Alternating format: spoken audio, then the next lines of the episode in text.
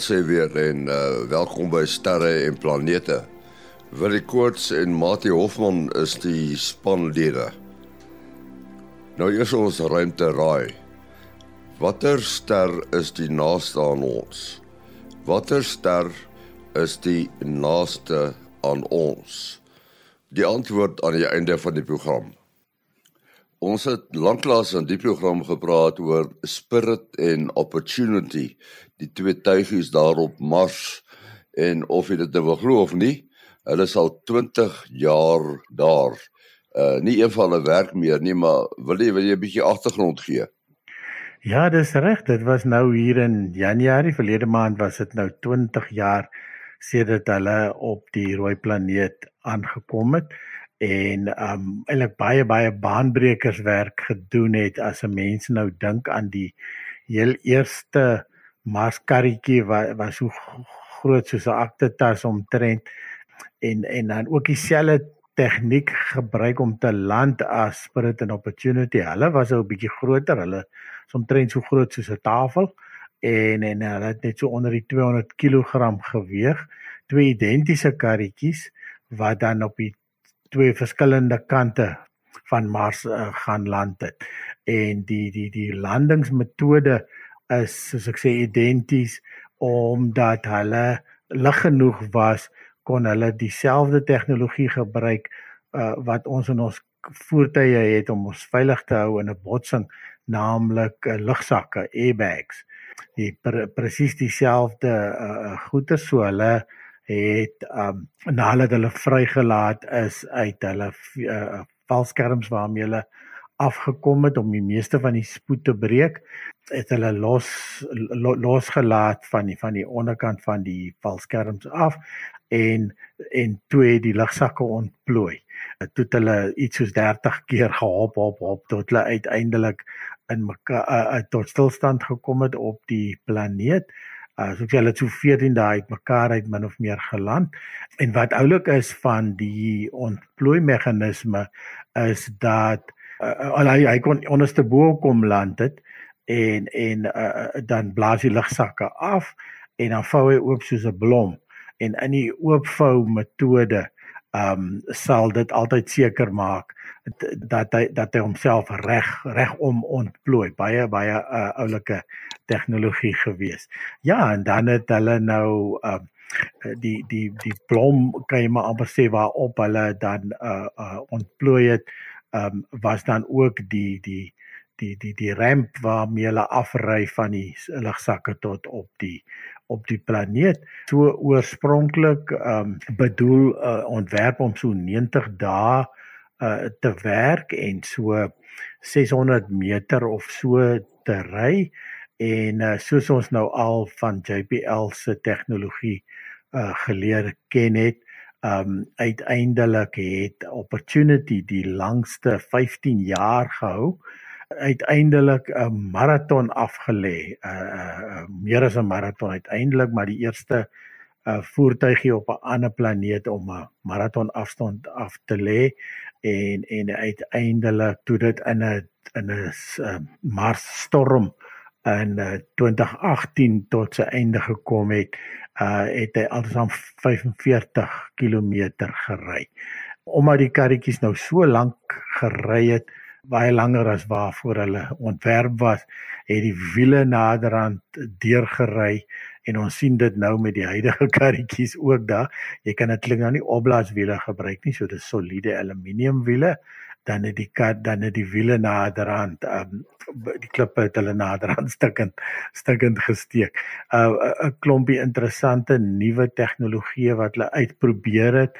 Onder andere het hulle uh, twee kameras voorop gehad en dan word die beelde teruggestuur aarde toe en dan kon hulle met 3D uh brille kon hulle dan um dit makliker die navigasie doen uh uh hierso hierso van die aarde af. Ja, en die uiteindelike uh, uh sending of die die idee van die sendings was mos nou maar eintlik tweeërlei ho hoofsaaklik om te kyk uh, uh was daar vroeër jare water op Mars en en was die um kondisies so dat daar uh mikrobiese lewe op op Mars kon wees en en dit is dan toe nou al twee al twee uh, so bewys. Spirit wat nou ehm um, aan die sukses aan die ander kant. O, miskien net gou van o, ek onthou nog ja Dr. Japie het destyds vertel ook uh soos wat die ehm um, opportunity nou begin ouer en ouer raak en die en die soos ek sê ons het van plaas van die wiele wat stuk en steek maar die een wiel wou nou nie meer draai nie. Dat het nou die wiel saamgesleep. Het dan ses wiele so dit is dan nou nie te te erg nie. Maar uh, maar toe hulle dit ook somme in 'n uh, 'n uh, 'n uh, wetenskap eksperiment uh, uh, uh, omskep. Want as die wiel sleep dan dan skraap hy die die oppervlak weg, die boonste laagie van die oppervlak en dan kon hulle dit bestudeer wat gaan wat gaan onder die onder die oppervlak aan. Ja, en dan natuurlik Spirit het, het 'n bietjie 'n uh, korter lewe gehad. Uh natuurlik nog altyd uh, in daardie uh, krater waar hy geland het uh ek Gustav Krater baie baie belangrike werk gedoen en um uiteindelik in die in die in die sand in 'n sand uh, put amper loop vasval die die die sand het uh het gelyk asof dit uh, hard genoeg is om op te ry uh, uh maar toe die oppervlak breek toe toe is hy sag aan die onderkant en toe kon hy eerstens nie uit die sandput uitkom nie maar hulle kon nog steeds wetenskap doen met die uh uh karretjie terwyl dit op een plek staan. Daar's baie goed wat hulle self kon doen. Um maar die probleem uiteindelik was dat uh omdat die Mars winter so koud is, het hulle wat hulle altyd gedoen het is om die karretjies te gepark voor die aan die begin van die winter uh voor die winter se aanbreek dan het hulle die karretjies gaan parkeer op 'n skynste of op op 'n heuweltjie sodat uh, uh, aan die einde van die winter dat hulle of nog steeds deur die winter maar dan uiteindelik dat hulle die beste son kry en en omdat uh, spirit toe nou vasgeval het toe die toe die het hy basies te koud geraak sy batterye het het ophou werk en dit was toe die die einde van einde van spirit gewees. Ja, so karretjies wat vir ons baie interessante werk gedoen het en ook baie van die voor af um goeders wat geleer was met deur hulle wat wat die huidige huidige karretjies uh perseverance en die ouens nou vandag nog toegepas word. Want ek kom ons uh, beweeg weg van die rooi planeet af en kom terug aarde toe. Ek sien onlangs 'n berig dat uh die arktiese water wat besig is om warmer te word, uh die stel nou koolstof vry. Hoekom sou dit wees? Ja, dit gaan spesifiek oor koolstofdioksied. Uh net so uh ter inleiding, uh die in die hele storie rondom klimaatsverandering uh en die energiebalans van die aarde is dit uh, natuurlik 'n baie baie belangrike komponent daarvan is die sogenaamde kweekhuisgasse waarvan koolstofdioksied en metaan die prominentstes is. Uh metaan is 'n baie uh meer effektiewe kweekhuisgas, maar daar's baie minder daarvan in die atmosfeer as koolstof uh dioksied. En as jy nou by koolstofdioksied kom, is daar baie natuurlike uh bronne van koolstof uh, dioksied, uh CO2, uh, maar natuurlik ook baie mensgemaakte uh bydraes daartoe wat uh, toegeneem het so vanaf die tyd van die industriële revolusie en ons weet natuurlik soos al die fabrieke en hoeveelheid binnebrandmotors en so aan drasties toegeneem uh, uh, geneem het tot die mate dat die mensdom nou baie bekommerd is en baie ernstig moet kyk uh na beperkings op die vrystelling van koolstof uh dioksied. Uh nou is dit baie belangrik in die klimaatmodelle uh dat die uh, die wetenskaplikes die stelsel so goed as moontlik verstaan. Met ander woorde, watter dele van die aarde uh is uh, geen netto CO2 af en watter absorbeer weer baie CO2. Ons weet natuurlik die groot uh, uh woude is uh, baie nuttig om CO2 uh, te kan absorbeer, maar daar's dele van die oseaan wat 'n uh, baie goeie put van CO2 is en daarvan was die Arktiese Oseaan wat nou van al die die oseane soos dit nou maar ingedeel is Atlantiese Oseaan, Stille Oseaan, Indiese Oseaan, uh dan kry jy ook die Arktiese Oseaan uh is uh, uh, uh word beskou as 'n netto sink 'n put van CO2. In Engels praat mense van 'n sink. Ehm um, so hulle die hoeveelheid CO2 wat dit per jaar geabsorbeer het, het hulle beraam ehm um, nou voor die nuutste uh gesprek rondom 'n deel van die Arktiese Oseaan uh, wat bekend staan as die Beaufortsee daar by die noordweste uh net wes van die noordweste van van Kanada sal nou daaroor iets sê. In elk geval net om 'n gevoel van hoeveel hoeveelhede te kry. Uh hulle dit beraam dat dit so 180 miljoen metrieke ton CO2 per jaar absorbeer. Ehm uh, nou natuurlik in terme van volume CO2 die digtheid van CO2 as 'n gas in die atmosfeer is baie laer as tred 'n faktor 1000 as wat mense nou ons die vaste stof wat ons ken. Uh so dit is 'n geweldige volume CO2. Uh nou 'n ander manier om 180 miljoen metrieke ton klink nou groot. Uh, hulle sê dis omtrent soveel as 'n 3 keer die hoeveelheid wat New York stad per jaar uh vrystel. Nou ja nou om dit in terme van die aarde te verstaan moet mens nou en die mense bydra tot CO2 moet mens nou sekere lyse hê van hoeveel stede vergelykbaar net groter en net kleiner as New York stad uh, is daar op die aarde. Ek kan nou nie dadelik daai vraag beantwoord nie maar dis dan seker een van die grootste metropole ehm uh, so dit is daarom 'n baie nuttige bydrae tot uh, absorpsie van CO2 ehm um, in elk geval nou waar waar kom die nuutste studie in? Uh nou uh het hulle agtergekom deur metings en modelle onder andere natuurlik uh met behulp van satelliete en uh, ook aanvullend tot uh waarnemings op die aarde op skepe en so aan uh dat daar 'n baie interessante proses daar uh, as gevolg van die reuse Mackenzie rivier.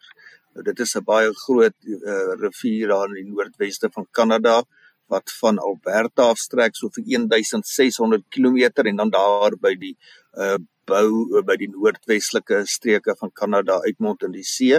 Nou so 'n 'n 'n rivier uh veral in die warmer tye en so aan dra geweldige hoeveelheid kom sê voedingsstowwe, organiese uh materiaal die see in en dan uh, lyk blyk dit dat daar prosesse natuurlike prosesse is wat dan daardie deel van die see 'n uh, net toe 'n uh, bron van CO2 uh, gee en nie uh, as 'n net toe put van CO2 nie. Uh, nou dit is nou 'n klein deeltjie van die uh, Arktiese Oseaan. So net om weer 'n gevoel van getalle te gee, ons het nou nog gepraat van die absorpsie van 180 miljoen metrieke ton en hierso is die vrystelling nou 'n klein persentasie daarvan 0,13 miljoen metrieke ton, maar nou uh is hulle bevrees dat daar baie van hierdie gebiede, baie deel groot deel van die Arktiese See is uh dele wat naby die land is omdat daar so kronkelende uh uh landlyn is, is daar 'n geweldige baie uh, duisende kilometers van uh seefront ehm um, en dat daar meer sulke gebiede kan wees. So dit word nou verder bestudeer en in die groter prentjie van CO2 kweekhuisgasse en klimaatsverandering is hierdie is tipe studies belangrik.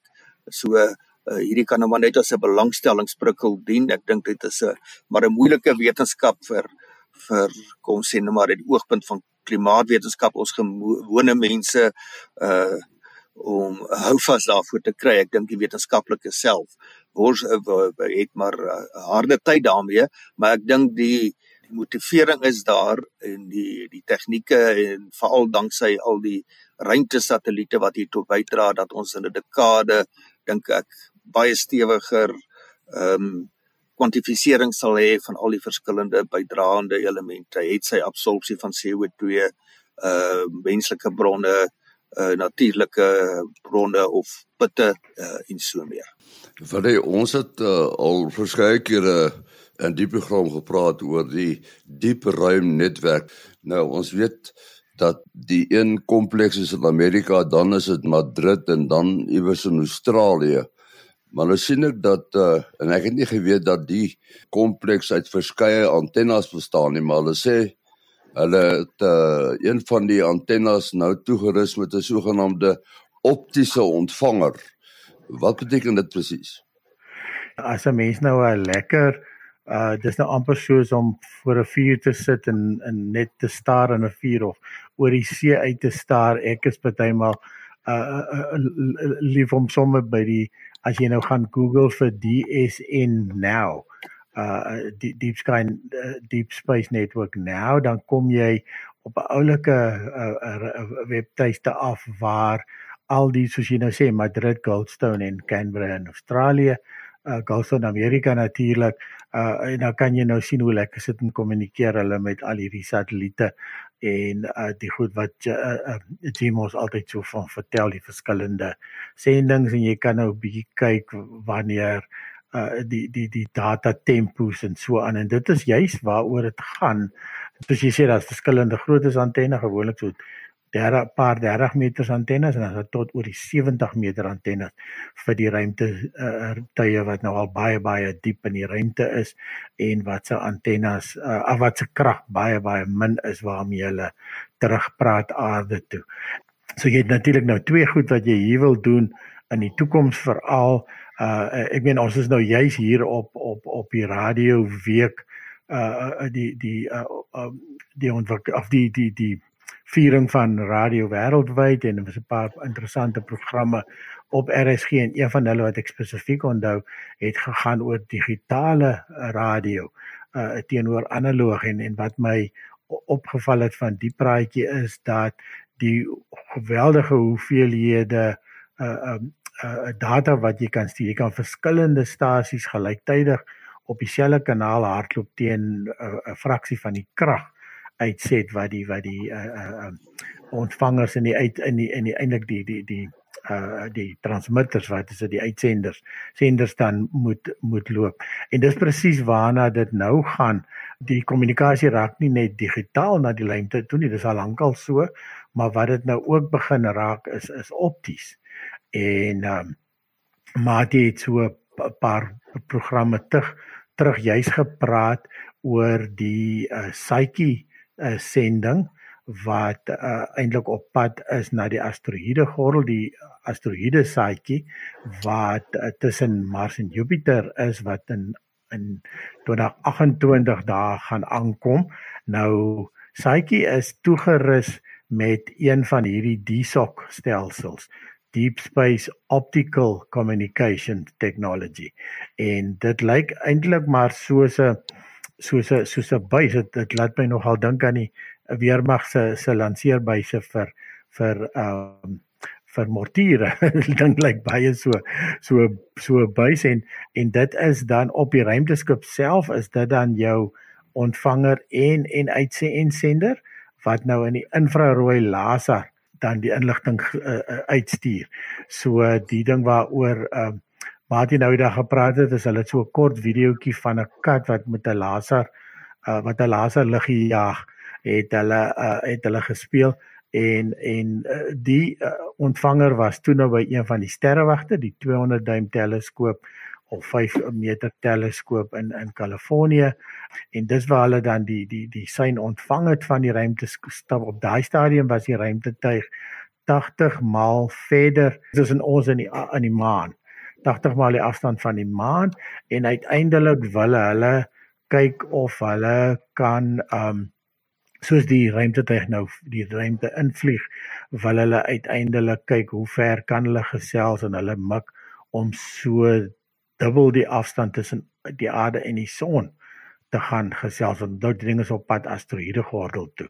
So dit gaan uh, dit gaan interessant wees om te sien hoe die hoe dit ontwikkel. Hoe dit ook al sê die uh die kat storie is nogal interessant want ehm um, dis so 'n bietjie in die geskiedenis dat uh, toe ra toe die eerste uh, televisiebeelde uitsendings begin het in Amerika uh, ons kon onthou ons toetsbeeld was mos nou so so so 'n ronde uh, uh, ding gewees met allerlei kleure en so. Ehm um, en dit kon natuurlik nog vir allerlei funksies gebruik word, maar hoe dit ook al sê, die Amerikaners toe hulle begin het met TV-uitsendings, het hulle op 'n platespeler het hulle Felix die kat so so 'n beeldjie neergesit en dan draai die draaitafel die kykie in die ronde en dan stuur hulle die beeld van die kykie wat in die ronde en dit was hulle oorspronklike toetsbeeld. So dit is dan nou ook sommer die die koneksie met die met die kat daarso.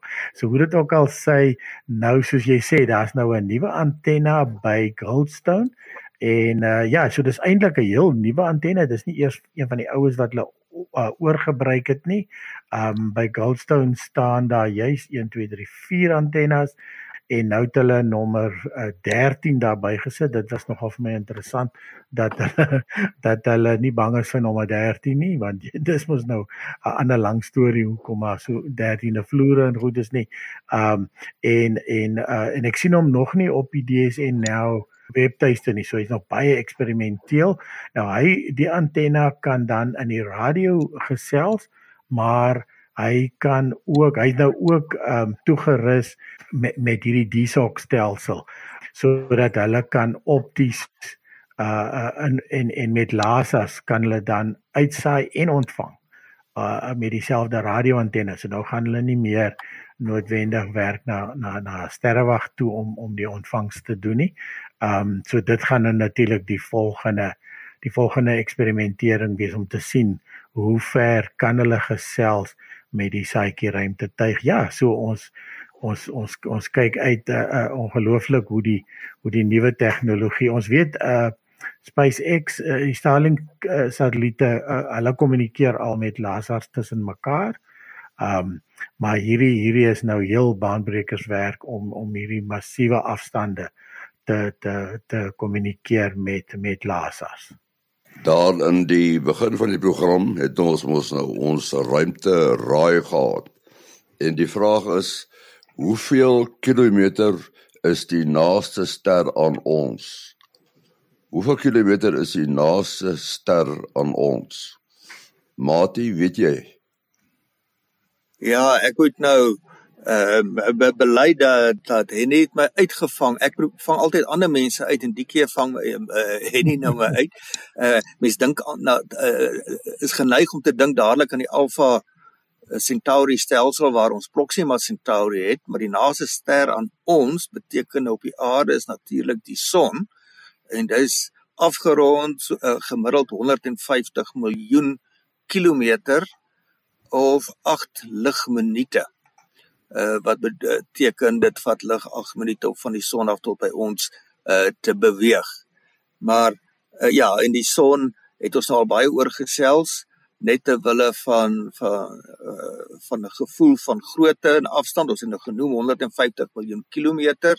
Uh as jy dit met uh 100 deel dan kom jy by 1,5 miljoen kilometer uit wat net meer is as die deursnee van die son. Die deursnee van die son is ongeveer vir 1,4 miljoen kilometer, maar dit is amper 1% van die afstand tussen die aarde en die son wat eh, wat nogal noemenswaardig is. Maar nou wil ek daarom iets sê van die naaste ster aan die son. En dit is Proxima Centauri. Uh in Proxima Centauri is uh daar kan ons nou trots wees is uit Suid-Afrika ontdek in uh, uh laat ons nou dink 20 uh, 1915 1915 deur Robert Innes by die ou Republiek Sterrewag uh in Johannesburg en uh, wat interessant is van Proxima Centauri uh as dit nou gaan oor die afstand want die die ruimteraai vraag gaan oor afstand uh 4,2465 ligjare. So hulle kan dit nogal akkuraat bepaal onder dit relatief naby is, so hulle kan van driehoeksmeting gebruik maak van parallax.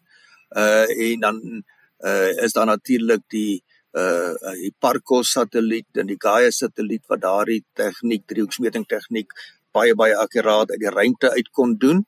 Uh en 'n ligjaar is uh amper 10 miljoen miljoen ligjare. So as ons nou die sommetjie gaan doen hoeveel kilometer dit is na Proxima Centauri, dan kom ons by 40 miljoen miljoen kilometer of 40 triljoen kilometer. En uh ja, nou weet ek nie hoeveel tyd ons het om nog interessante dinge van Proxima Centauri te kan noem nie, maar dalk moet ons 'n volgende keer uh nog verder oor Proxima Centauri gesels. Ons weet dat daar ten minste 2 eksoplanete dalk 3 om Proxima Centauri wentel. So daar's 'n ten minste 'n miniatuur sonnestelseltjie daar wat baie opwindend is. Mate, wat is jou besonderhede? Selfoonnommer 0836257154. 0836257154. Wat is? Is 0724579208. 0724579208. En my telefoonnommer 082 5724170. 082 5724170. En as jy nou ons Facebookblad wil kyk, is dit Henny Maas en sy ruimtespan. Henny Maas en sy ruimtespan. En ons adres is sterreplanete@gmail.com. sterreplanete@gmail.com. Tot volgende week. Alles van die beste.